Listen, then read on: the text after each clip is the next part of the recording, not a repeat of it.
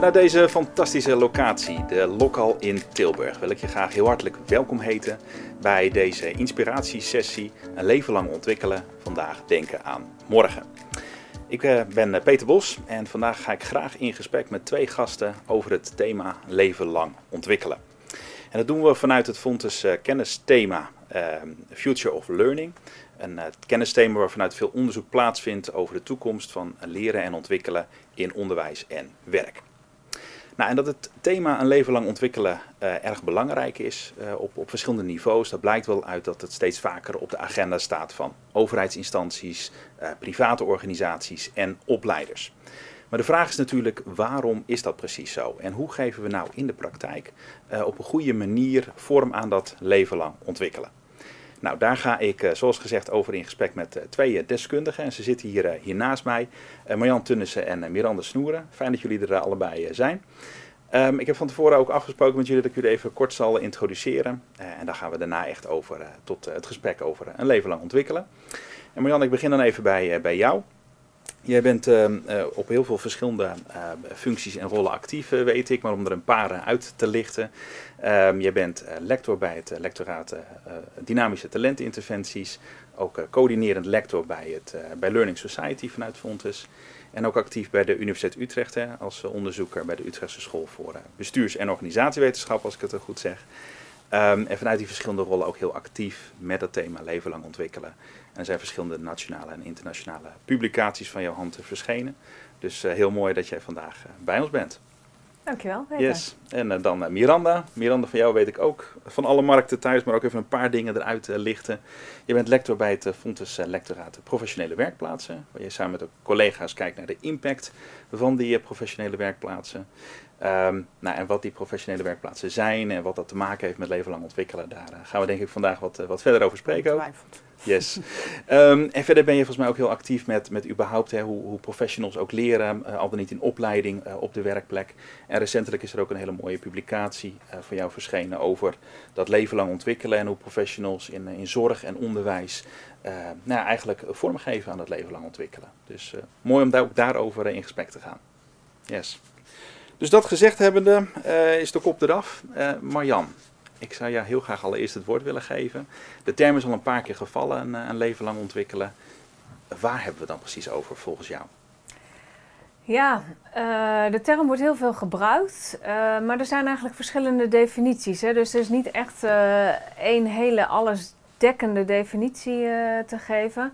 Maar het gaat er eigenlijk wel om de leeractiviteiten die je gedurende je, je hele leven doet en ontplooit, zeg maar gericht op het verder ontwikkelen van je kwaliteiten, van je kennis, je competenties en je vaardigheden. Mm -hmm. uh, met als doel om uh, bij te blijven in je werk, maar vooral ook, of daarnaast ook om uh, je persoonlijk te kunnen ontwikkelen en je professioneel te kunnen ontwikkelen. En, en ook het idee hebt dat je ja, zinvol of boeiend je leven kunt doorbrengen. Okay. Nou, daar, daar, hoor ik al een heleboel mooie, mooie elementen in. Um, je zegt ook je, je, persoonlijk ontwikkelen en je professioneel ontwikkelen. Zijn dat, dat twee verschillende dingen? Uh, nou, dit, uh, ik heb de laatste tijd veel gelezen over de ontwikkeling van uh, leven lang ontwikkelen. Hoe dat door de tijd heen is gegaan. En in het verleden lag eigenlijk vooral het accent op die persoonlijke ontwikkeling. Hè? Dus je zelfverwezenlijking. Mm -hmm. Kunnen zijn wie je bent en kunnen gebruiken wat je in je hebt. En dat verder tot ontwikkeling te brengen. En eigenlijk door de tijd heen heeft het leven lang ontwikkelen een steeds meer economische ja, accent eigenlijk gekregen. Namelijk dat het van belang is om je te kunnen inzetbaar te houden op die arbeidsmarkt. Hè? Dus daar een rol te kunnen spelen. En dat plak ik dan een beetje aan die, aan die professionele ontwikkeling. Hoewel dat tegenwoordig ook wel weer wat lastiger wordt. Hè? Want uh, in deze tijd waarin we, uh, of een aantal mensen aangemaand worden om van ene baan naar de andere te gaan. Dus ook misschien wel van de ene professie naar de andere professie. Juist, juist. Ja. ja. Nou, dat zijn wellicht ook grote stappen die je dan moet maken en wat dat allemaal wel niet impliceert. Misschien komen we daar zo nog over te spreken. Maar kon jij in ieder geval ook zeggen, er is wel een beweging gaande van, van meer die persoonlijke aandacht naar het economische. Dat dat een belangrijk uh, drijver is om, om leven lang ontwikkelen op de kaart ook te, te zetten. Ja, dat is wel wat je heel veel ziet. Tegelijkertijd uh, wordt uh, ook wel door verschillende partijen wordt die en die, en die arbeidsmarktdimensie en die zingevings- of die persoonlijke dimensie wordt uh, belangrijk gevonden. Mhm. Ze worden eigenlijk maar zelden aan elkaar gekoppeld. Hè? Dus dat het en leidt tot werkgeluk of goed in je vel zitten en het idee hebben dat je betekenisvolle dingen doet. Uh, versus uh, inzetbaar zijn en zorgen dat je kennis en vaardigheden up-to-date bent, zodat je maar productief kunt blijven. Ja, ja mooi. Ik, ik, ben dan nog heel benieuwd hoe die aan elkaar te koppelen zijn, maar daar komen we straks uh, misschien nog ook verder op. En Miranda, ik wil even naar jou. Heb jij ja, aanvulling als je, als je Marjan zo hoort over ja, een leven lang ontwikkelen en, en wat dat inhoudt voor jou? Nou, ik sluit me daar eigenlijk heel erg bij aan. Hè? De, en ook dat het en over die persoonlijke en professionele ontwikkeling gaat, die zo met elkaar samenhangen, denk ik. Dus, ja. ja. Dus belangrijke elementen die met elkaar samenhangen in elk geval. Zeker, ja. En ook, uh, en, uh, Marianne die refereert daar al aan, dat het ook steeds belangrijker wordt om, om je te blijven ontwikkelen. Hè. Als je ziet hoe um, ja, snel veranderingen gaan op de arbeidsmarkt bijvoorbeeld. Hè. Nu met corona. Ja. Hè, jij zei het al, ja, sommige mensen moeten van baan wisselen. Hè, een stewardess bijvoorbeeld, ja, die, zal, die heeft de kans dat, dat uh, hij of zij thuis komt te zitten. En wat doe je dan? Hè? Of, eh, hè? of de branche, de, ja, de, de toeristenbranche bijvoorbeeld. Ja. Dus, um, maar ook zie je zo snelle ontwikkelingen in onze maatschappij door die technologie. Ja. Dus wat je vandaag nodig hebt aan competenties, ja, dat kan morgen alweer veranderd zijn. Dus je moet wel blijven ontwikkelen, wil je kunnen, mee kunnen gaan met die ontwikkelingen. Ja. En ik denk dat daarom ook de aandacht de afgelopen jaren daar veel meer op is komen te liggen. Dat je, je moet blijven blijven, ja, je leven lang blijft ontwikkelen. Ja.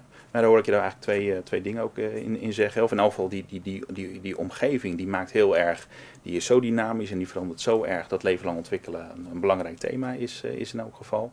En dan kan dat er nieuwe vraagstukken zijn. Het kan zijn dat er, nou, zoals bij, bij KLM, of dat er ontslagen zijn in elk geval. En daar moeten we op reageren.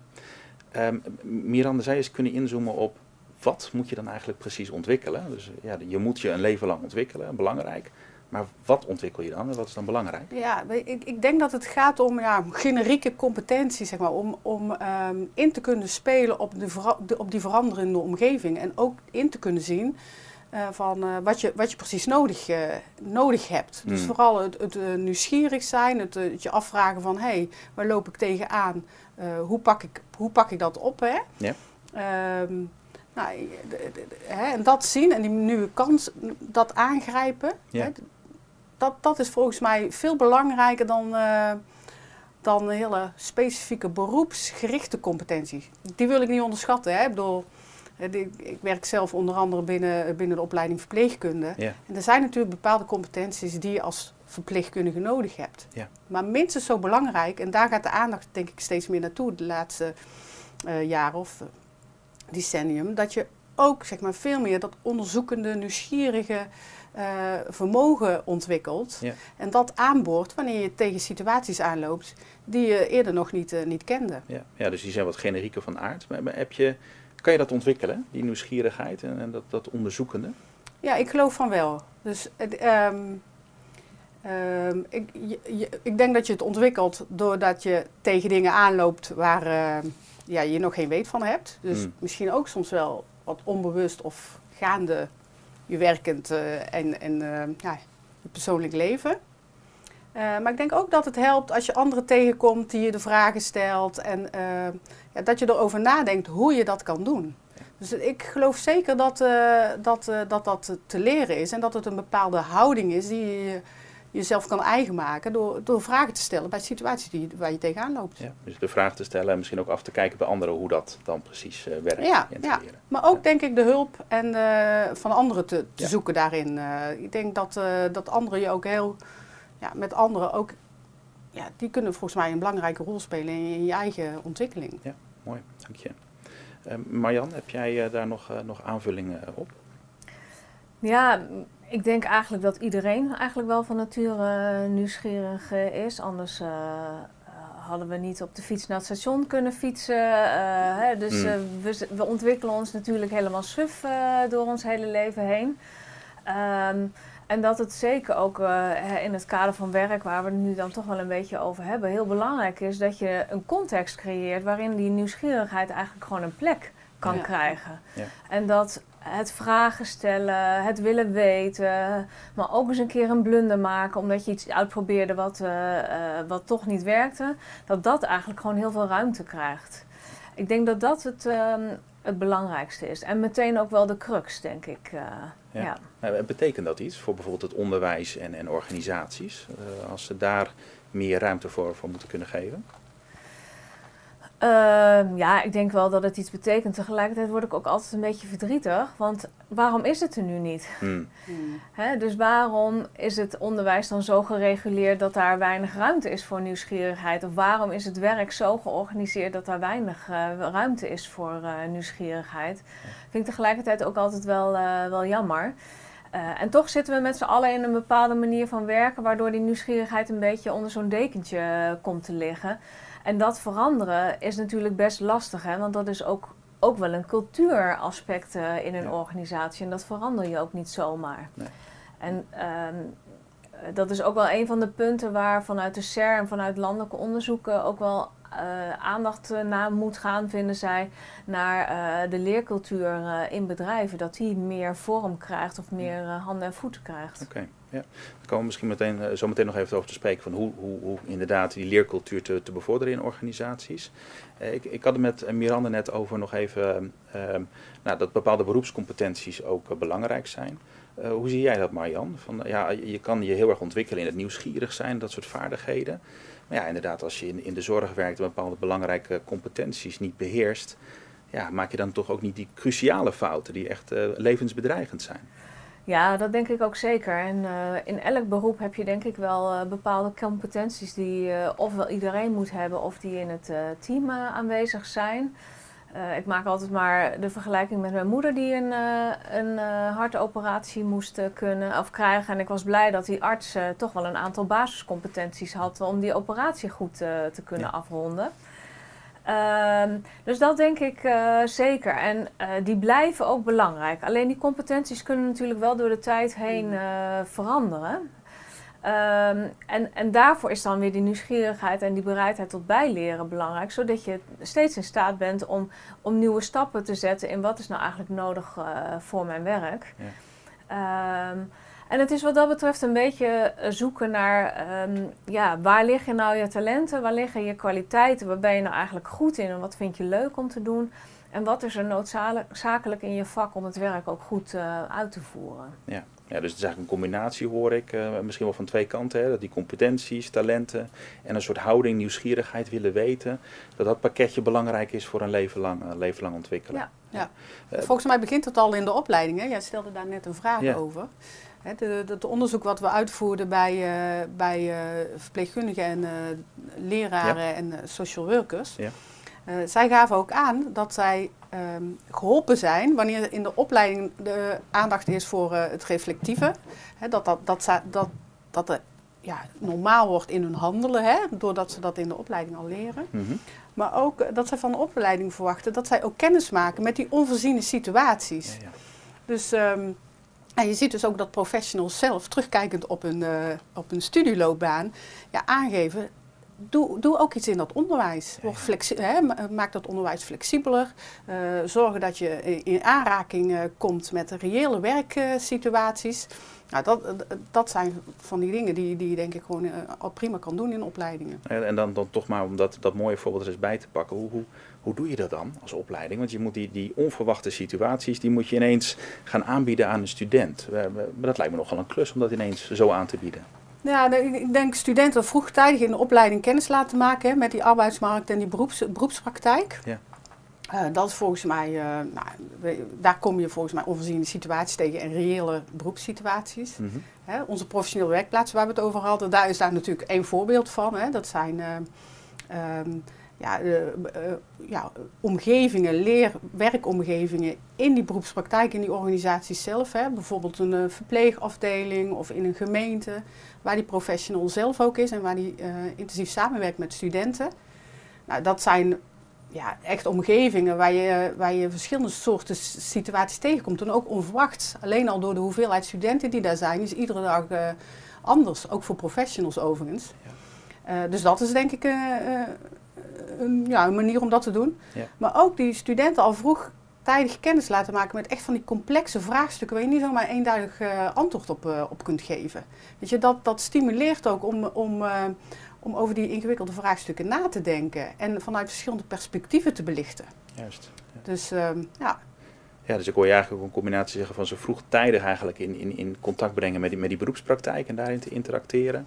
Uh, maar juist ook ze, ze, ze, ze grote, complexe, authentieke vraagstukken te geven waar ze mee aan de slag Ja. kunnen gaan. en, bij, en eh, bij voorkeur ook echt interprofessioneel. Dat je met, andere, met, met meerdere disciplines aan zo'n vraagstuk eh, werkt. Ja, Nou, en volgens mij maak je dan helemaal een mooie slag als je de professionals daar ook bij trekt. Want dan heb je het niet meer alleen over het leven lang ontwikkelen van die studenten. Maar ook over die van die professional. ja, ja. Ja, dat, dat klinkt wel als een eh, enorme omslag die er eh, moet gebeuren. Want dan, dat, dat klinkt heel anders dan het, eh, wat, wat ik in mijn hoofd heb, het klassieke beeld van het, van het onderwijs. Met een docent die voor de klas uitlegt ja, hoe, het, hoe het moet gebeuren of de kennis overdraagt. Ja, dat is zeker zo. Want volgens mij ontwikkel je daar nou juist niet die competenties mee waar je toen straks naar vroeg. Hè, die- dat, dat nieuwsgierige onderzoek, die nieuwsgierige onderzoekende houding. Ja. Hè, dus zelf daarmee aan de slag gaan, denk ik. Ja, mooi, dank je. Ehm Marjan, ik, ik wil graag ook jou eens de, vraag voorleggen. Hè, want we hebben het op allerlei manieren, eh, hoe dat leven lang ontwikkelen, wat het is en waarom het belangrijk is. Eh, maar als het gaat over de verantwoordelijkheid, wie, draagt nou eigenlijk die verantwoordelijkheid voor dat, dat leven lang ontwikkelen? Is dat de persoon zelf? Is dat de organisatie of allebei? Kun je daar eens iets over eh, vertellen? Ja, ik denk eigenlijk dat dat allebei is. Het leven lang ontwikkelen gaat natuurlijk over mij, over jou, over Miranda. Het gaat over die persoon. Eh, maar je hebt in je eentje niet alle faciliteiten en mogelijkheden om, eh, om dat ook altijd een impuls eh, te geven. Dus daar ligt ook wel echt een belangrijke rol voor die, voor die werkgever. Ook in het aanbieden van faciliteiten of het ondersteunen ervan. Maar ook misschien wel ook een beetje in het geven van de richting. Want ehm, eh, ja, je, het moet een beetje een balans worden tussen wat vindt die medewerker belangrijk en waar heeft de organisatie eh, behoefte aan. Daar zit een beetje de, de balans eh, in. En ehm, ja, nu ik zo Miranda ook hoor spreken, denk ik eigenlijk, het is niet alleen de werkgever en de, en de werknemer, het is ook het onderwijs. Hmm. Het onderwijs speelt hier ook gewoon een, een hele belangrijke rol in. In het al eh, ja, vroegtijdig eh, aanwakkeren van die nieuwsgierigheid en het leren leren bij die eh, studenten. En vervolgens ook in het aanbieden van mogelijkheden voor die professionals. Ja. En ik ben zelf echt wel een voorstander van die hybride leeromgeving als leeromgeving ook voor die eh, professionals. Omdat je denk ik daarmee heel veel gaten die we nu hebben op de arbeidsmarkt, hè, die, eh, eh, de transitie van school naar werk, waarvan werkgevers zeggen, ja wat leren ze eigenlijk op die, op die scholen, want die competenties voldoen niet. Hmm. Als je daarin veel meer gaat samenwerken, kom je veel dichter tegen elkaar aan te zitten. En ja, krijg je ook veel meer mogelijkheden om samen te leren en samen ook te werken en misschien ook wel te innoveren. Hè? Dus vernieuwing in de beroepspraktijk eh, te realiseren. Ja, dus die, die samenwerking hoor ik jou zeggen, die moet veel meer ook opgezocht worden met, met het onderwijs eigenlijk erbij. Hè. Ehm, en in, in die hybride leeromgevingen, daar vindt dat plaats. Daar, daar zitten de Onder werkvelden. andere. Ja. Ja. Ja, onder andere, waar, waar nog verder? Of hoe zie jij dat voor je? Hoe zou dat moeten, vorm moeten krijgen? Nou, ja, er zijn natuurlijk veel meer. Als je dan echt puur vanuit die rol van het onderwijs kijkt, zijn er natuurlijk meerdere manieren om eh, een bijdrage te leveren aan dat leven lang eh, ontwikkelen. Want ik denk verder dat gewoon een aanbod aan professionals, stel je wilt eh, de omslag maken van HRM'er naar, naar de verpleegkunde, dan moet je daar ook wel de mogelijkheden toe hebben om zo'n bachelor te volgen zonder dat dat je je bakken met geld kost. Hè. Want dat is op dit moment eh, vaak het probleem. Wil je als volwassene je laten opleiden opnieuw, Hm. kost dat enorm veel eh, geld. Ehm, hè, dus daar liggen veel meer mogelijkheden voor het onderwijs om een rol eh, in te spelen. Maar ik denk dat je in zo'n hybride leeromgeving maak je het kleiner, dichter bij het werk, meer flexibel. Dus daar zie ik echt wel meerwaarde. En tegelijkertijd is daar ook nog wel een grote stap. hè, er moeten nog wel een aantal stappen gezet worden om die ook zo te krijgen dat ze interessant zijn voor die professional. Ik, ik zag Miranda knikken toen je dat zei. Dat, dat herken jij ook? Of? Nou, ik, ik denk dat die omgevingen ook ehm, ja, heel erg bijdragen aan zo'n cultuur te ontwikkelen. Dat iedereen, eh, iedereen mag leren en ontwikkelen. Dus dat het niet alleen om die student gaat, maar ook om ja, iedereen die in zo'n omgeving eh, participeert. Ja, en, en dat vraagt best wel, denk ik, ehm, ja, een omslag in denken. Hmm. Hè? En, ehm, vaak zien we toch, dan komt zo'n student in zo'n omgeving dat het om die studenten gaat. Maar het gaat eigenlijk om iedereen die daar aanwezig eh, is. En je ziet dat, dat je zo'n cultuuromslag en dat je mag leren van elkaar en fouten mag maken en zo. Dat dat niet van de een op de andere dag uh, voor elkaar is. Nee, vraagt iedere dag opnieuw inspanning. Ja, ik kan me voorstellen, ja. inderdaad, daar moet je dagelijks aan werken met elkaar. Hè? Um, ja. Maar ik kan me ook voorstellen dat als, als mensen zitten, te kijken van, ja, nou dat klinkt heel mooi, maar hoe, hoe gaat het dan precies en hoe werkt dat? Kan jij een voorbeeld schetsen van zo'n omgeving waarin dat uh, met elkaar plaatsvindt, dat samen leren en, en ontwikkelen? Ja, nou, ik ken ze het best uit de zorgcontext. wat ik echt een mooi voorbeeld vind, vind is, de, is, de, is de klinische koffie die wel eens in de zorgorganisaties uh, wordt uh, gehouden. Mm waarin uh, gesproken wordt over een casus van een cliënt of een patiënt. met studenten en professionals en dan ook van verschillende disciplines. Dus zij belichten op dat moment aan de hand van een reële situatie hoe iedereen daarnaar kijkt, waardoor je ook leert hoe de andere professie naar de situatie kijkt. Dat, dat vind ik wel een mooi voorbeeld. En zo, zo zie je dat dat vaak ook leidt, bijvoorbeeld uh, nou, een ergotherapeut die uh, naar een verpleegafdeling gaat, om te zien hoe bijvoorbeeld een, een verzorgende um, ja, een cliënt ondersteunt in die dagelijkse praktijk. En op dat moment kan zo'n zo'n professional, zo'n behandelaar, veel gerichter adviezen geven aan uh, de verzorgende professional, van hoe die dat goed kan doen. En dat zijn denk ik, um, ja, dat is een, voor, denk ik een goed voorbeeld hoe die ergotherapeut leert wat gebeurt er eigenlijk in die dagelijkse situatie van die verzorgende of die verpleegkundige. Terwijl die verpleegkundige of verzorgende juist leert van de specifieke kennis die die ergotherapeut heeft. Ja, ja. heel mooi voorbeeld hoe er dan van en met elkaar geleerd wordt, hè? eigenlijk vanuit die ja. Uh, en dan bij elkaar dus op bezoek komen en zien uh, ja, hoe je dat aanpakt. Ja, ja. Toch hoor ik Marjan ook zeggen van ja, er moet nog wel veel gebeuren. Hè? Dus, dus heb je het idee dat de zorg al, al uh, zover is en andere sectoren bijvoorbeeld minder? Of hoe, hoe schat jij dat in? Nou, ik denk dat het ook heel erg afhankelijk is van hoe lang zo'n uh, hybride leeromgeving al bestaat. En, um, uh, want we weten ook dat samenwerken is helemaal niet zo, niet zo gemakkelijk. En dat, ja, dat, dat, ja, je hebt tijd nodig om elkaar te leren kennen en uh, die processen met elkaar uh, ja, in te regelen en, uh, en daarna te handelen bijvoorbeeld. Dus, ja. um, dus ik denk dat dat ook meespeelt. Mm -hmm. uh, en we weten ook uit onderzoek tussen bijvoorbeeld de zorgcontext en het onderwijs, dat dat samenwerken in teams wel een, ehm, een factor is die helpend is. Omdat je dan anderen ziet ja, handelen. Hè, dat, je kunt dan ook zien van hé, hey, dat is een rolmodel voor mij, of juist niet. Hè? Dus, dus dat, het, het, leren van elkaar in dat teamverband, als je dat goed inregelt, is wel een katalysator voor dat leven lang ontwikkelen. Ja. Terwijl als je als leraar uh, ja, lesgeeft in een klassetting, dan heb je die feedback uh, veel minder uh, makkelijk krijg je terug. Ja. Dus, dus als je het hebt over nou, die zorgcontact, is, is hij daar verder in? Nou, we kennen al heel lang zorginnovatiecentra, zo'n vorm van hybride omgevingen op die verpleegafdelingen. Mm -hmm. Maar dat zit hem dus in de duur. En ik denk ook wel in, het, ja, in die teamsamenwerking, dat, dat is inherent aan dat vak, ja. aan dat beroep. Ja, dus je, enerzijds je moet het wel echt even de tijd geven. Samenwerken gaat niet zomaar uh, tot stand komen. Ja. Uh, en anderzijds, die, die teams die kunnen wel een, een versterkende werking hebben op, op dit vlak, om echt met elkaar te leren. Zeker. Ja, zeker. Dus. Herken je dat Marjan? Volgens mij zit je ook op het thema shared learnings uh, teams. Hoe, hoe, hoe, hoe, kijk je daarnaar? Zijn die teams een belangrijke schakel om, om ook in het leven lang ontwikkelen? Ja, dat denk ik uh, zeker. Um, uh, wat je in zo'n team ook kunt doen is kijken hoe je bepaalde mensen met elkaar kunt laten samenwerken. Zodat ze, zodat ze juist ook van elkaar leren. Hè, of omdat ze elkaar versterken. Um, dus daar liggen heel veel uh, mogelijkheden. En, en uh, wat Miranda zegt, doet mij eigenlijk denken aan een soort uh, modeling, hè? een soort leerling-gezel systeem. Waarbij in de, als je gewoon les hebt, staat de docent voor de klas en die vertelt hoe het moet. Maar als je samenwerkt in een team, heb je bijvoorbeeld een meer ervaren medewerker met wie je het samen doet. En daar kijk je het een beetje van af. En gaandeweg kun je het zelf ook gaan oppakken. Ik denk dat daar ook wel veel uh, meerwaarde in zit. Nee, ik geloof uh, heel erg in leerzaam werk. Hè? Dus zorgen dat je leerzaam werk hebt. Werk waarvan je kunt leren, maar werk ook waar dus ontwikkelingsmogelijkheden in zitten, maar ook waarin je feedback krijgt. En niet alleen van, hè, van de ene mens op de andere mens, maar dat je weet wat het eindresultaat is van je werk. En ruimte krijgt om het aan te passen, omdat je het nog een keer moet doen. Mm. Daar geloof ik in. En uh, veel meer samenwerken en leren in teams.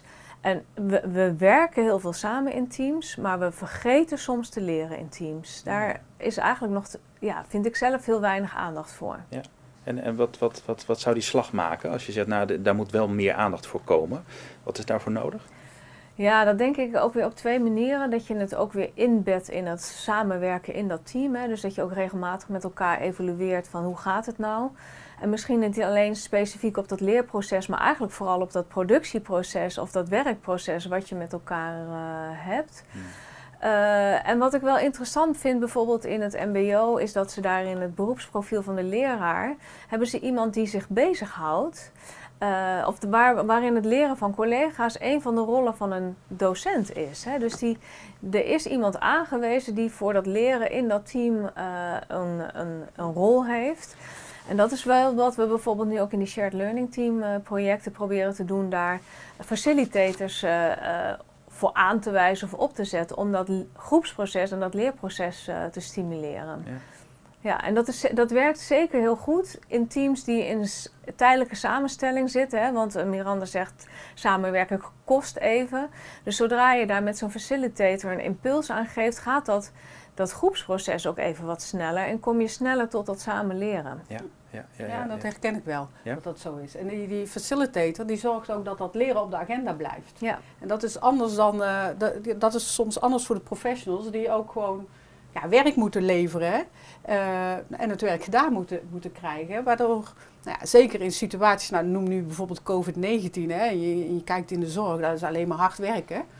En iemand die je dan even op de rem zet, om van ja, waar zijn we nu mee bezig en laten we eens terugkijken, dat, dat, dat helpt uh, nou, in zulke situaties, maar in, in iedere werksituatie. Ja. Ja. ja, maar daar hoort dus ook wel duidelijk in van, van het, het, het gaat niet zomaar. Je hebt echt ook wel iemand nodig, een, een facilitator die dat, dat leren ja, bewust benoemt of daar reflectie op stuurt. Ja, ik, ik zeg altijd maar dat versnelt het leren en ver, mm -hmm. vergroot het leren. Want ik, ik ben ook wel van mening dat je soms door gewoon toevalligheden en heel onbewust uh, ontwikkelt en leert.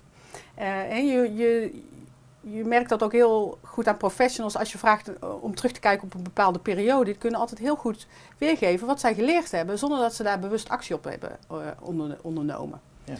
Alleen ik denk dat um, nou, als je nergens inbouwt dat je daarbij stilstaat en daarop reflecteert, dat je je en niet altijd bewust bent van wat je geleerd hebt en het dus dan ook niet heel doelgericht weer in kunt zetten. Ook bijvoorbeeld uh, in de ondersteuning naar anderen of zo. Ja. Dus, um, dus ja, de, hè, het, het, stilstaan bij wat leer je nou van, uh, van een situatie en reflectie en feedback loops. Ja, dat, dat, dat, dat versnelt dat, uh, dat leren en maakt het overdraagbaar, denk ik. Ja, ja maar daarbij daar zeg je dus ook wel van het, het leren mag ook toevallig plaatsvinden. Maar inderdaad, als je daar iemand op, op, op, op zet die daar speciaal naar kijkt, een, een facilitator, dan word je daar meer bewust van en kan je het ook doelgerichter inzetten wat je geleerd hebt. Ja, en ik denk juist wat je geleerd hebt door die onverwachte situaties. Ja, ja. Hè? Dus we Ja. kunnen natuurlijk leren ook plannen en organiseren en zelf leeractiviteiten bedenken. Dat is een prima manier om te leren. Maar hoe mooi is het als je ook van die situatie waar je gewoon toevallig iets geleerd hebt, dat je die zeg maar veel meer uit kan buiten. En dan wordt het, je hoort professionals ook, dat ze het dan heel erg boeiend beginnen te vinden. Want zij ehm maken dan heel erg gebruik van hun ervaring, wat hen veel meer aanspreekt. Ja, ja. Dus eh, dan wanneer je van tevoren moet plannen en organiseren en wat bedenken, wat wil ik nu, nu gaan leren. Ja, Ja. Zit, zit er toch niet nog een klein risico aan vast? Dat je, dat je niet voldoende leert. Hè? Want het, het kan soms wel heel prettig zijn om te weten van nou, we hebben deze leerdoelen en dit zijn de z- zaken, waar, de competenties waar we naartoe moeten werken. En dan hebben we dat mooi goed bedacht met elkaar. En dan eh, dat toevallige leren, ja, dat kan ook wel heel toevallig eh, gaan werken. Ja, zo zou je ernaar kunnen kijken. Ja. Aan de andere kant kan je ook wel vragen, ja, maar wie zegt dan wanneer je genoeg geleerd hebt? Wie bepaalt dat dan? Mhm. Ehm, ja, en is, het, is het leven, ons leven nou altijd zo maakbaar? Hè? Dus, ik, dus nou, ik denk eh, het is goed dat er beide vormen van, eh, van leren zijn. Mhm. Maar laten we ook dat, eh, dat toevallige, ja, ongeplande leren meer waarderen. Dank je. Ja. Marjan, we hadden het net nog eventjes over die verhoudingen. Dus van waar ligt de verantwoordelijkheid? En, en toen zei je ook nou, bij beide, bij zowel het individu als een, als een organisatie, als we het op die manier LLO bekijken. Ehm, kan je ook voorstellen dat, dat, dat bepaalde werkgevers zeggen, ja is mooi. Ik ga investeren in dat leven lang ontwikkelen. En morgen loopt mijn werknemer loopt de deur uit en dan ben ik hem kwijt. En dan ben ik een hoop centen kwijt en mijn werknemer. Hoe, hoe kijk jij daar tegenaan? Ja, dat is ook een geluid wat je veel hoort uh, natuurlijk hè, van, uh, van werkgevers. de angst dat je je investering eigenlijk kwijtraakt. Ik denk nou, als iedereen dat doet, dan heeft iedereen er ook voordeel bij. Hè? Maar zo wordt er meestal niet gedacht. Um, en toch denk ik wel dat het belangrijk is om dat te doen. Want ja, wie werkt er nou tegenwoordig nou nog 40 jaar bij dezelfde werkgever? En wie maakt er nou bij diezelfde werkgever zo'n opwaartse loopbaan? Dat komt bijna niet meer uh, voor. Dus je hebt eigenlijk je medewerkers maar een korte tijd in je organisatie. Dus ja, ik vind dat je daar dan wel ook verplicht bent om ze uh, uh, te helpen om weer in een volgende stap in een loopbaan uh, eigenlijk ehm, geschikt zijn of in staat zijn om die te maken en dan, dan goed te functioneren. Yeah. Dus ja, wat ook wel uit onderzoek blijkt is dat bedrijven best wel geïnteresseerd zijn en, en scholen en opleiden belangrijk vinden, maar eigenlijk vooral ge gericht zijn op die huidige functie, op het huidige mm. functioneren. Ja, ja. Terwijl dat kan gewoon niet meer. Dat is wat Miranda ook zei. De ontwikkelingen gaan heel snel. Je moet nu voor morgen leren. Dus je moet nu voor morgen investeren. Dus uh, ja, dat vooruitkijken is echt wel heel belangrijk. En daar, ja, dat mensen dan weggaan, dat kan. Uh, tegelijkertijd denk ik ook als bedrijven echt blijven investeren in hun medewerkers en ook daarin uitdagend werk blijven bieden. Ik denk dat mensen dan ook minder geneigd zijn om weg te gaan, uh, om een andere baan te zoeken. Ja. ja, dus het, het, heeft dan eigenlijk twee kanten. Hè? Dus je bent sowieso eigenlijk verantwoordelijk om, om bezig te gaan met die opleiding. En nou, dat, dat moet eigenlijk over organisaties heen zelfs ook wel uh, georganiseerd worden. Belangrijk voor iedereen. Uh, maar het, is ook maar de vraag, als je erin investeert, blijven medewerkers dan niet langer bij je als organisatie? Ja, dat weet ik ook niet zo heel goed. Het is wel, de meer jongere generatie is echt wel heel erg gericht op ontwikkelingsmogelijkheden. Uh, en is daarom ook wel, uh, wil weer eens bij een ander uh, bedrijf gaan kijken. Wat ik op zich ook terecht vind. En bovendien, met mobiliteit, hè, dus loopbaan stappen zetten, is ook een leerervaring op zich. Hè? Want in een nieuwe omgeving mm. leer je weer nieuwe dingen. Mm. Dus het gaat niet alleen om wat ik zei, dat leerzaam werken, dat leerzaam team en dat, en dat opleidingsbeleid mobiliteit, stapjes zetten in je loopbaan binnen uh, het bedrijf naar andere afdelingen of naar andere organisaties is ook heel belangrijk voor je eigen ontwikkeling. En uh, die mensen die die stappen zetten, krijg je met die rijkere ervaring ook weer terug als werkgever. Dus ja, ik snap wel dat je denkt van oeh, dan gaan ze weg, maar tegelijkertijd is het niet meer van deze tijd. Ja. Nou, dat, dat, sluit ook wel mooi aan uh, bij, bij de professional uh, zelf. Die, die geven zelf ook aan dat ze juist in de eerste jaren van hun loopbaan bij een bedrijf, dat ze heel erg de, de, ja, de, de trigger voelen om te leren en te ontwikkelen. En dat die na een paar jaar afzwakt, omdat, um, ja, zeker wanneer je in een, in een context werkt die niet heel uitdagend of veranderlijk is, dat dat meer van hetzelfde wordt en dat je socialiseert. En dat je dus dan als professional veel uh, meer zelf op zoek moet gaan naar die nieuwe uitdagingen en die prikkel om, nu, prikkel om nieuwe dingen te leren. Ja. Hè? En bijvoorbeeld uh, job rotation is daar denk ik een heel goed voorbeeld van hoe, hoe dat werkt. Ja. Maar je zal het zelf meer moeten opzoeken, denk ik, dan wanneer uh, je in een nieuwe situatie ja, dus zit. Nieuwe, nieuwe plekken die je dan eigenlijk zou moeten, moeten kunnen verkennen om, om nieuwe werkzaamheden en ervaringen om die ontwikkeling ook weer te, te stimuleren. Ja, dus, dus uh, als professionals zelf op zoek gaan naar nieuwe werkzaamheden en, en uitdagende situaties, dat helpt je. Ja. Marjan, jij, uh, ja, eh, het onderzoek van Miranda ging op jonge professionals, hè, net begonnen. Terwijl uh, vraag maar eens aan een aantal collega's om je heen. Uh, wanneer het een beetje begint te kriebelen in een baan. Dat is toch ook wel vaak weer na uh, vier, vijf jaar. Hè? Dus dat blijft denk ik toch wel een beetje zo door je hele leven heen een, een rol spelen. dus ik denk, ik denk echt ook wel dat dat voor bedrijven, maar ook voor die professional zelf een teken moet zijn van leer ik eigenlijk nog wel genoeg en zit ik nog genoeg in mijn vel. Goed genoeg in mijn vel. Ja.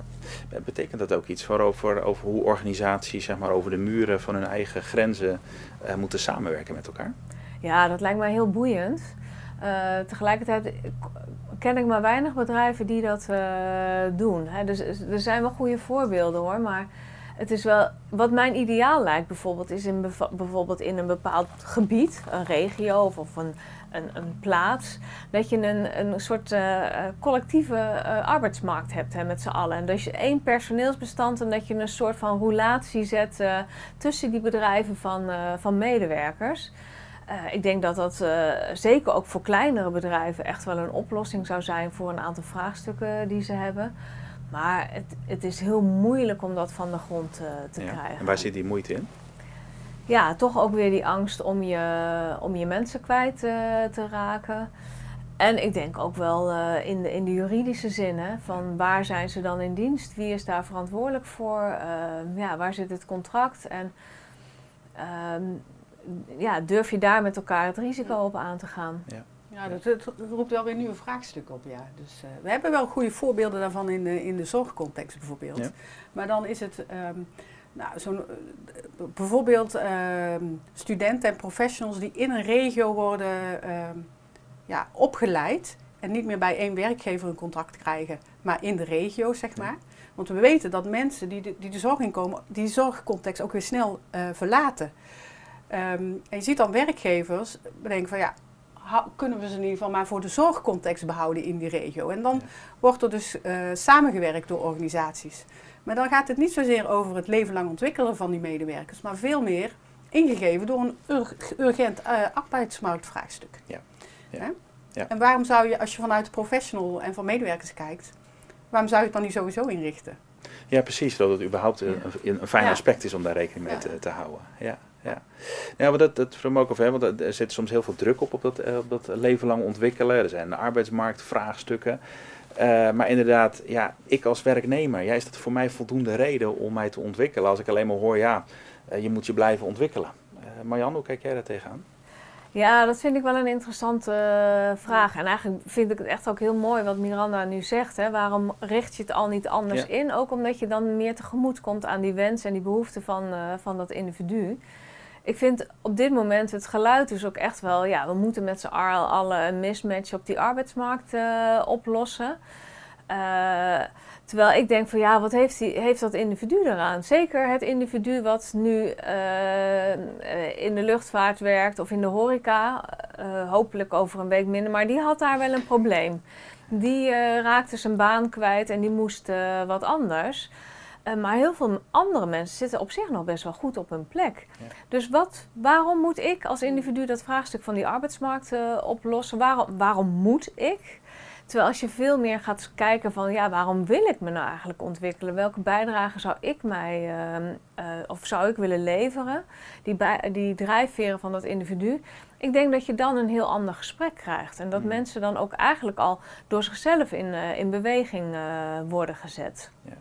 Ja, met andere woorden, je moet, je moet ergens naar die drijfveren kunnen gaan met de werknemer. In plaats van alleen maar te roepen, je moet je ontwikkelen, want dat is belangrijk voor de arbeidsmarkt of voor de problemen die er zijn. Ja, ik denk dat dat wel belangrijk is. En, en ook aansluiten bij wat kan ik nou eigenlijk goed? Waar zit bij mij, uh, waar zitten mij kwaliteiten en wat kan ik daarmee? En soms kan je dan ook wel vanuit je kwaliteiten. Uh, uh, wat dat betreft vind ik het niet gek dat mensen uit de horeca in de zorg komen. Want je houdt ervan om andere mensen te helpen, om dienend te zijn. En dat past denk ik in meerdere contexten. Dus meer vanuit die skills en die kwaliteiten kijken naar wat kun je daar in andere plekken mee. Dat creëert eigenlijk ook wel meer openheid en, uh, en verandering, denk ik. Um, Marjan, ik weet dat jij en collega's hebben ook wel onderzoek gedaan. Hè? We komen al geleidelijk aan een beetje op dat, dat hoe en er worden al verschillende suggesties gedaan hoe het onderwijs kan bewegen. Maar ik weet ook dat jullie onderzoek gedaan hebben naar verschillende organisaties hè, die op een innovatieve wijze bezig zijn gegaan uh, met dat leven lang ontwikkelen. Uh, kan je ons daar eens een voorbeeld van schetsen, van hoe je dat dan precies doet of waar dat gedaan wordt? Ja, we hebben een aantal case studies gedaan bij een aantal ja, bedrijven of organisaties waarvan wij hadden gehoord dat het goede voorbeelden waren. Hmm. En uh, als je zo door die cases heen kijkt, wat daarin opvalt is dat het zo heet de publicatie achteraf ook, dat het vooruitkijkers zijn. Dat het bedrijven mm. zijn die naar de toekomst kijken en kijken wat er dan gebeurt en wat er dan nodig is.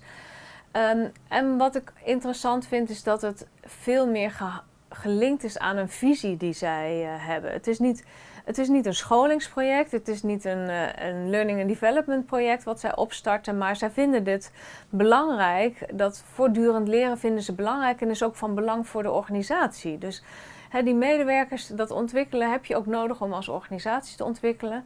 Dat vind ik mooi. En wat ik daar eh, ook mooi aan vind, is dat ze uh, zeggen van het gaat niet om die werknemer. Het gaat eigenlijk om het totaalpakket, namelijk de mens. en dan kom je eigenlijk al veel meer richting die drijfveren. Dus ze hebben aan de ene kant een visie. En dan denk ik altijd van ja, heel interessant. Tegelijkertijd zie je aan de andere kant dat ze ook zeggen laten we vooral ook klein beginnen en aan de slag gaan. Hè? Dus niet blijven hangen in die grootse visie en grootse plannen, veranderingen, et cetera. Maar vooral ook ga klein aan de slag. Uh, ga, met mensen in, ga ook met die mensen in gesprek. Dus bedenk niet voor ze, maar ga met ze in gesprek. Um, en dat is ook wel wat er uit naar voren komt. Ga ze, niet bug, uh, ga ze niet opleiden, maar ga ze begeleiden in hun ontwikkelingen. Dus ga ernaast staan, zie ze als mens, ga samen kijken wat mogelijk is. En uh, probeer daarin uh, stappen te zetten. Ja. Ja. Nou, mooi, want daar, hoor ik ook die, hè, die beweging van boven een duidelijke visie hebben, maar ook praktisch uh, gewoon aan de gang gaan en, en iets doen, in, ook in die begeleiding. wie doet dat, die begeleiding? Wie, wie, wie, wie heeft daar de, de hoofdmoot in om dat, dat op een goede manier vorm te geven in een organisatiecontext? Ja, volgens mij zijn dat in die cases verschillende personen of functionarissen binnen zo'n organisatie. Uh, ik denk dat een HRM-professional uh, daar een rol in speelt. Uh, maar niet elk bedrijf heeft die. Hè. Zeker de kleintjes hebben die niet. En dan kan het ook heel goed een leidinggevende zijn die daar een rol in speelt of een aantal teamleden. Ja. ja. Komen we eigenlijk weer terug op het onderwerp waar we het eerder al over hadden. Hè. Hoe kan je dat nou faciliteren? Ja, ja. precies. Ja. Ja. en soms zijn het mensen die bewust die rol toebedeeld krijgen. Maar ik denk dat je ook niet moet onderschatten dat het uh, soms ook mensen zijn die die faciliterende rol hebben, die uh, die, die rol gewoon uh, pakken. Ja, ja, ja, Zonder dat die formeel toegewezen is om, om dat op te nemen. Ja. Ja. ja, dus het kan formeel belegd zijn bij een acteur, maar het kan ook iemand zijn in het team die ja, er een informele rol in speelt. Ja. Maar het helpt wel als je het formeel inregelt, want daarmee laat je ook zien dat je het belang hecht aan leren en, en ontwikkelen. En dat is ook wel wat Marian zegt het, de, voorbeeld die Marianne geeft, het zegt ook iets over dat dat in de genen en in die cultuur van dat bedrijf zit. En dus door mensen op zo'n positie in te zetten, dat is natuurlijk een uiting van zo'n cultuur dat je dat belangrijk vindt. Ja. Maar die, dat is wel heel mooi, hè? want dat zit dan in de cultuur, het zit in de genen, het zit in de DNA van zo'n organisatie. Maar ja, eh, hoe, hoe nodigen we organisaties nou uit om dat in hun DNA te krijgen? Hebben jullie daar ideeën bij, waar, waar je dan moet beginnen? Ja, weet je, we weten uit onderzoek wat we recent doen in de hybride leeromgevingen, dat het ook soms heel erg op personen hangt die, die zo'n cultuur en zo'n visie uitdragen. Uh, mm. En uh, nou ja, de, de, de, eigenlijk voor, vooruitlopers zijn, zoals Marjan ook zegt, die anderen daarin meeneemt. Ja. Dus um, ik denk niet dat er een blauwdruk is. Volgens mij moet je ergens beginnen. En uh, vanuit uh, nou ja, misschien ook je drijfveer en de ambitie om van je bedrijf een, een lerend bedrijf te maken. Um, ja, dat in alles wat je doet uitdragen. Ja, ja. maar dus geen blauwdruk, maar wel mensen die daar een, een krachtige rol in kunnen vervullen. Zeg maar, die dat uitdragen, die daar een rol ja, in spelen. We, we weten in ieder geval dat dat een, ja, een, een, factor is die, die helpend kan zijn. Hè? Net zoals diversiteit in je organisatie. Dus mensen vanuit verschillende ja, professies die, uh, die, hè, en die van elkaar kunnen leren. Uh, ja, we hadden toen straks ook over die feedback loops en uh, reflectie. Dat, dat, hè, en dat inrichten, dat zijn wel processen die, uh, die, die helpend zijn. Ja, ja, ja. mooi. Marjan, heb je daar aanvullingen op? Ja, dat denk ik. ik, ik um, dit zijn hele goede punten die Miranda maakt. Ik zit ondertussen ook nog te denken, ja, ik geloof ook wel in het goede voorbeeld. Ja dus uh, uh, leidinggevende of meer ervaren collega's die het goede voorbeeld geven en uh, zelf ook laten zien dat ze lerend zijn en dat ze het ook niet weten of, of andere dingen oppakken. Ik denk dat dat heel waardevol is. En, en ja, hoe zeg je dat? waar gewerkt wordt, worden fouten gemaakt. Dus probeer daar ook niet te krampachtig over doen en daar het gesprek over aan te gaan en te kijken wat daarin beter kan. Echt een meer waarderende cultuur, hè? dus niet afstraffen, maar oké, er is een fout gemaakt. Wat, wat kunnen we daarvan leren? Wat kunnen we daar een volgende keer mee? Uh, kan ook heel erg helpen. Um, en, en, en kijken naar wat is er wel. Hè? Dus meer die, uh, die waarderende manier van dingen um, bezien kan ook wel heel goed helpen. Ja, ja. En verder denk ik toch echt wel dat je per organisatie zou moeten kijken wat het meest, meest helpend is. Want een blauwdruk is, is lastig. Ja. ja. Ja. Nee, blauwdruk is lastig. Ik hoor wel goede tips in elk geval. Ook, hè? Van het goede voorbeeld mm. geven, leiding geven of aanhaken op, op wat er is en daarmee aan de gang gaan. Dat dat belangrijke elementen zijn om een beweging in te zetten richting uh, leven lang ontwikkelen. Je, kan ook leren van wanneer het niet werkt, want dat weten we ook. Als je te weinig tijd of ruimte hebt om, uh, om, te, om te reflecteren en stil te staan bij je werk. Hè? over. Ja. Een cultuur die niet helpend is, hè? dus die, die veel meer ja, uh, oordelend en beoordelend is, uh, helpt niet. Mhm. Maar wat we ook weten wat niet helpt, is wanneer je als uh, werkgever um, tegen de medewerkers zegt wat voor scholing je moet volgen of welke ontwikkelingen je door moet maken. Ja, en dat, zien we ook wel. Ja. Dat professionals en medewerkers zelf zeggen dat ze de regie erin willen houden. En zij weten prima aan te geven wat ze zouden moeten ontwikkelen. Dus uh, opgelegde uh, scholingsactiviteiten of zo, die werken juist averechts. Ja, maar dat, dat lijkt me ook wel een spanningsveld opleveren. Hè? Ook weer eigenlijk anders, maar in het verlengde van wat we het net over hadden. Dat je als werkgever zegt, ja, maar ik wil dat mijn medewerkers A, B en C kunnen. En op deze manier uh, weet ik dat niet te garanderen. Ja, dan kan je ook afvragen van ja, heb je voldoende vertrouwen in die medewerker? Hè? En dan mhm. hebben we het denk ik juist over die cultuur waar, Ma waar Marianne ook naar verwijst. Um, hè, ik denk dat medewerkers prima in staat zijn om aan te geven wat zij nodig hebben om hun werk goed te doen. En je ziet ook dat de drijfveer van uh, medewerkers en professionals echt ja, ook is om hun werk zo goed mogelijk te doen. Ja. Dus als, daar, als zij daar een spanningsveld in um, ja, ervaren, zie je dat zij een intrinsieke motivatie hebben om te leren en te ontwikkelen. Ja. Dus waarom zou je daar uh, niet op durven vertrouwen als werkgever? Ja, ja, dus meer vertrouwen op dat, die behoefte, die intrinsieke motivatie om te willen uh, groeien. Ja, uh, en het gesprek dus aangaan met medewerkers over inderdaad drijfveren. En ehm, ja, ook het gesprek over wat zijn de individuele belangen en het organisatiebelang. En daarin het daar met elkaar over hebben. Ja. En wat daarin iemand doet. Dat is nog iets anders dan wanneer je top-down zegt je moet die scholing volgen. Ja, ja, ja, Omdat ja, dus... bijvoorbeeld een uh, manier is om extern te verantwoorden dat je medewerkers uh, ja, professioneel zijn. Ja, ja, ja. Nee, en, en dus juist ook dat gesprek aan te gaan om misschien wel de organisatiedoelen en de individuele doelen aan elkaar ook te, ja, te verbinden. Precies, ja. ja. Waarmee je ook de verantwoording voor uh, ja, de ontwikkeling van het bedrijf en de organisatie ook die, die medewerker onderdeel van maakt. Ja, mooi, helder.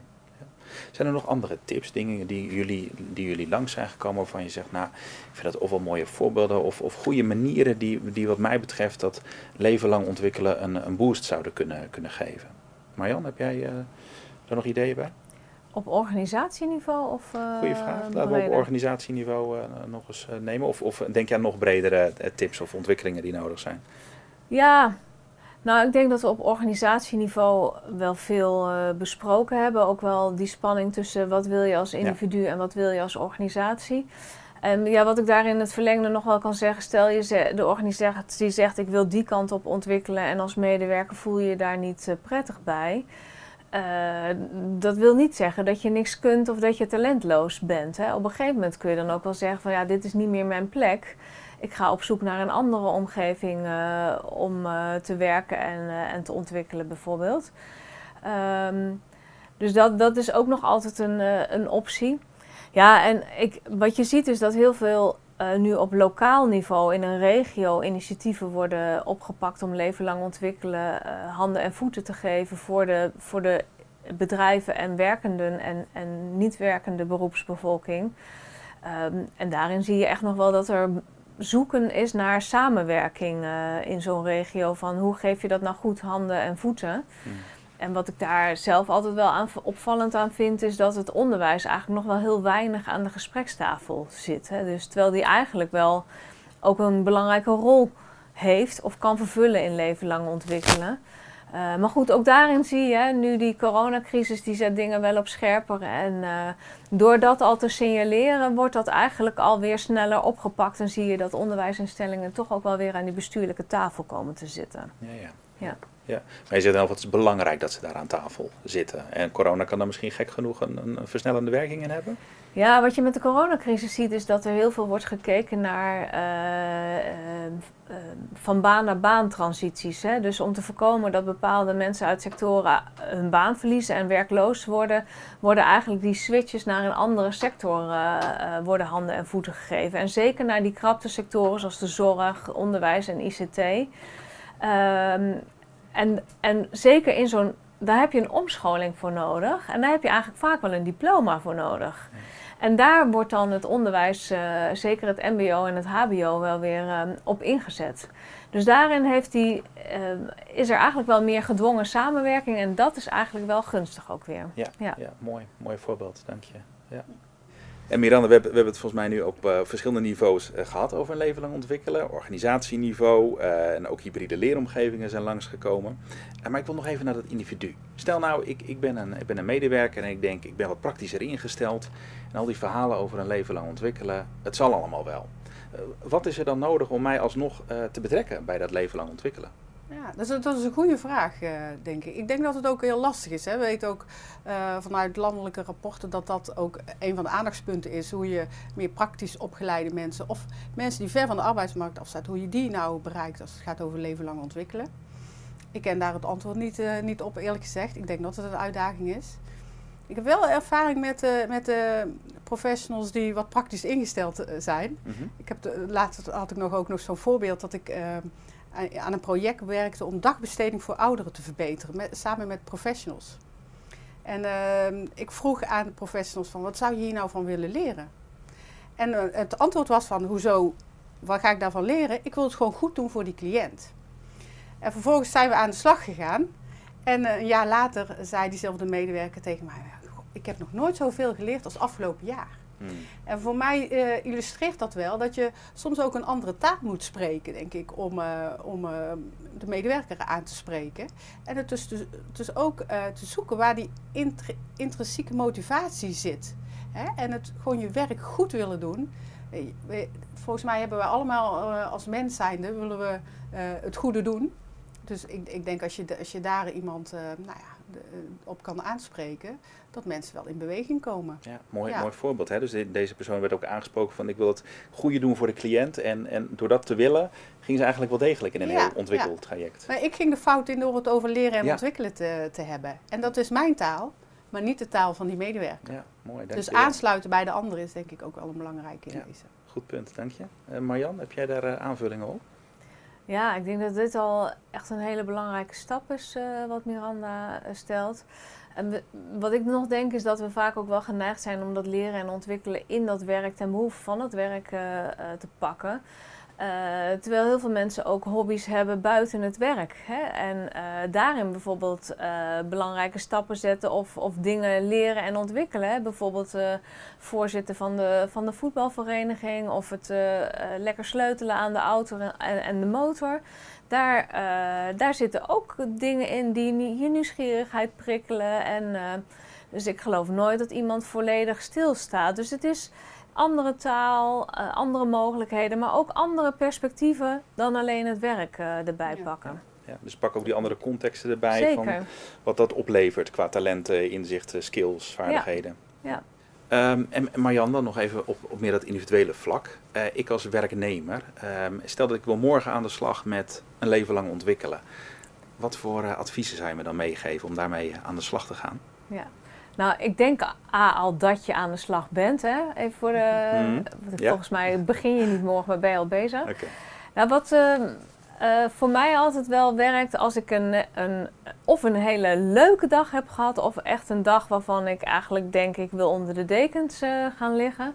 Dat ik dan bij mezelf eens naga, wat is hier nou gebeurd en, en, waarom ben ik zo blij of zaggerijnig? Wat heb ik nou eigenlijk met de kwaliteiten gedaan die ik uh, in mij heb, op zijn dag? En wat kan ik daar nou eigenlijk meer mee? Dus je kunt echt wel uit dat soort kleine incidenten of toevalligheden kun je ook heel makkelijk je leermogelijkheden halen. En ook gebruiken om naar de toekomst te kijken van ja, wat wil ik daar dan nog verder mee? Of hoe ga ik dat vervelende nog meer voorkomen als je niet uh, het gevoel hebt dat je leert of ontwikkelt. Ja, ja dus je, voor jezelf ook echt duidelijke momenten inbouwen. Na een topdag, na een rotdag, uh, goed terugblikken. Van wat voor elementen zaten daar dan nou uh, precies in? Ja, ik weet niet of ik ze inbouw. Mm -hmm. Maar het is meer dat ik dan, als ik een, hondje met, een rondje met de hond loop... of nou ja, in de pannen sta te roeren... dat me dat dan wel eens door het ja, hoofd ja, schiet. Door de dagdagelijkse momenten eigenlijk heen. Mooi, dank je. En Miranda, heb jij daar ideeën bij als ik daarmee aan de slag uh, al ben of, of nog ja. wil? Wat moet ik dan doen? Nou, neem vooral het heft in eigen hand. Hè. De, de, pak de regie en uh, uh, blijf het gesprek erover aangaan. Maar kijk ook eens buiten je eigen context bijvoorbeeld. Hè. Door eens met iemand anders mee te lopen die compleet iets anders doet of zo. Hè. Dus ehm, hè, en blijf die ja, die, die, die, nieuwe, nieuwe situaties aangaan, nieuwe uitdagingen in het, uh, in het, uh, in het werk. Zoek dat op. Mooi, dank je. Uh, ik uh, wil ook een beetje naar, naar, het, naar het einde toe. We hebben veel, veel besproken over het wat, het waarom en, en het hoe. Ehm, zijn er wat jullie betreft nog, nog gouden tips die je zou willen meegeven als het gaat over dat leven lang ontwikkelen? Uh, Miranda, heb jij je gouden tips uh, voor dat ons? Dat is een goede vraag. Volgens mij is er al heel veel de revue, revue gepasseerd. Ik denk dat ik um, je vraag zou willen aangrijpen om te onderstrepen het belang, denk ik, van het in gesprek blijven hierover. Over dat leven lang ontwikkelen en wat je als, als medewerker daarin uh, wenst en wat je drijfveren zijn. Maar ook wat je als, als organisatie of als regio ja, wat voor positie je daarin wil, uh, wil nemen. En ja, in, in, ja, het open in dialoog daarover uh, over blijven, denk ik. Ja, mooi. Dus het gesprek gevoerd worden binnen organisaties in de regio ja. over dat thema leven lang ontwik ja, ontwikkelen. Met medewerkers tussen organisaties. Uh, ja. Mooi, dankjewel. Mooie tip. Marian? Ja, zeker een hele mooie tip. Dus daar kan ik me alleen maar bij aansluiten. En ik zou daar ook wel bij willen zeggen: ga niet alleen het gesprek aan, maar blijf ook spreken als het begint te schuren. Want ik zie wel heel vaak dat uh, zodra het uh, lastig wordt, ingewikkeld, je bent het niet met elkaar eens, dan wordt eigenlijk via allerlei zijroutes een andere manier uh, gevonden. Terwijl juist in die schuring, in, in, in, in die wrijving, kun je eigenlijk komen tot andere oplossingen, denk ik. En we hebben elkaar echt hierbij nodig. Hè? Onderwijs, arbeids- of werkgevers, werknemers. Dit kun je niet in je eentje. Dus dat vind ik wel uh, belangrijk. En, en wat ik zelf eigenlijk. Dat is ook een thema wat een beetje opkomt. Dat zijn die loopbaan-APK's. Gewoon eens in de zoveel tijd. Net als je auto uh, even naar de garage brengen. Even kijken, is alles nog op orde? Dat zou eigenlijk wel heel goed zijn uh, als dat vaker zou gebeuren. Um, en, en zeker ook die verbinding met het onderwijs zou eigenlijk heel fijn zijn als studenten dat eigenlijk al in hun studieloopbaan uh, leren om, om eens even af en toe te reflecteren op, en niet op hun studie en hoe zij zich ontwikkelen in hun studie, maar gewoon waar wil ik naartoe, waar ben ik goed in. Dus dat ze die, die handen en voeten uh, ja, voor die loopbaan APK eigenlijk al in hun opleiding aangereikt krijgen. Mooi. Ja, dus daar al mee bekend zijn in elk geval. Ja. Ik denk dat de loopbaan APK wel een hele mooie tip is ook om, uh, om mee te nemen voor de, voor de toekomst. Uh, voor ons alle drie misschien ook wel om, om ook te doen. Dus ik neem me ook persoonlijk mee, dus dank daarvoor. Dank Miranda ook voor, voor jouw tips. Um, en ja, wat mij betreft zijn we zo een beetje ook aan het einde gekomen. Er is heel veel de gepasseerd rondom uh, leven lang ontwikkelen. Uh, maar dank voor al jullie uh, rijke inzichten die jullie hebben gedeeld met ons en de kijkers. Dus dank voor jullie aanwezigheid in elk geval. Graag gedaan.